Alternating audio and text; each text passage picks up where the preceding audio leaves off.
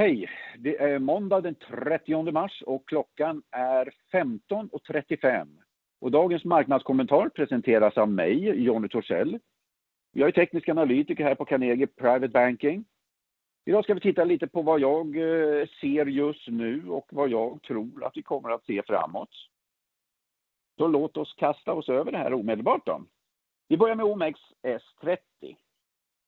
Gärna Stockholmsbörsen. Från toppen den 20 februari fram till botten den 16 mars så föll index med nästan 34% på 17 börsdagar.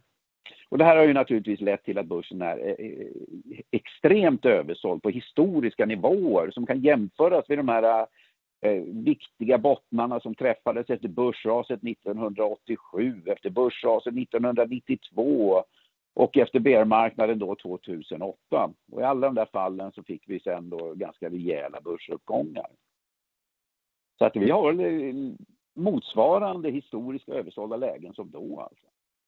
Index noterades i lägst eh, 1260 och tangerade alltså det här viktiga stödet vid 1250, där index bottnade dels 2014 men också ett par gånger under 2016 då.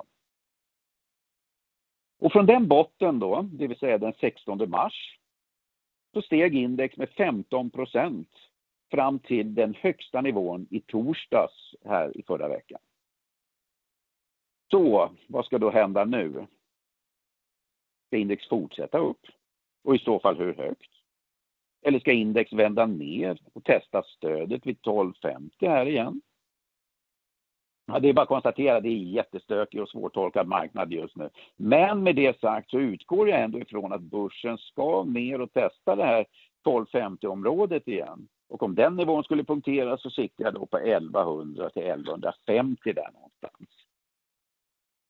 Om index istället skulle fortsätta upp nu, det vill säga inte vända ner här mot 1250-området och eh, istället passera 1493-området där, så finns förutsättningar för en rörelse upp mot kanske 1600, 1660 där någonstans. Det vill säga kanske 10-15% upp till eller något sånt. Däremellan står vi just nu då. Eh, låt oss kolla på USA-börsen också. Eh, vi har ju i stort sett nästan samma läge på USA-börsen, det vill säga S&P 500 tittar jag på, är det huvudindex som jag brukar följa. Index föll med cirka 35% på 23 börsdagar och rekylerade därefter upp med 17% på tre dagar. Sen fick vi då en nedgång i fredags då med 3.5%. Ni fattar vilken extremt turbulent marknad vi har verkligen. En otroligt hög volatilitet här.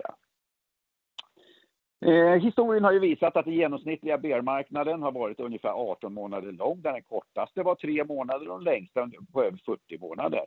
Så Om den här nedgången som vi har sett nu hittills skulle vara slutet på bearmarknaden, skulle det alltså vara den absolut kortaste bearmarknaden då i historien. Kan det bli så? Ja, men självklart. Allt kan naturligtvis hända på börsen. Men Är det troligt? Nej, jag tror inte det. Jag tror eh, istället att det är mer sannolikt att den här nedgången vi har sett är det första benet ner i en större nedgång, det vill säga en våg A. Antingen har då eh, botten i våg A redan träffats eller så får vi en nedgång till då som avslutar våg A. Efter sen våg A så ska vi ha en ganska kraftig B-våg uppåt. Eh,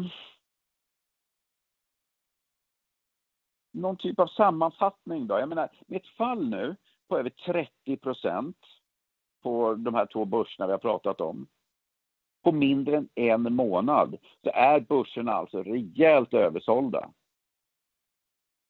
Eh, och Från de här översålda, extremt översålda nivåerna så brukar vi få ganska rejäla upprekyler. Så Frågan är då om den här rekylen upp redan har startat eller om den kommer att starta från en från en lägre nivå. Det är osäkert, men eh,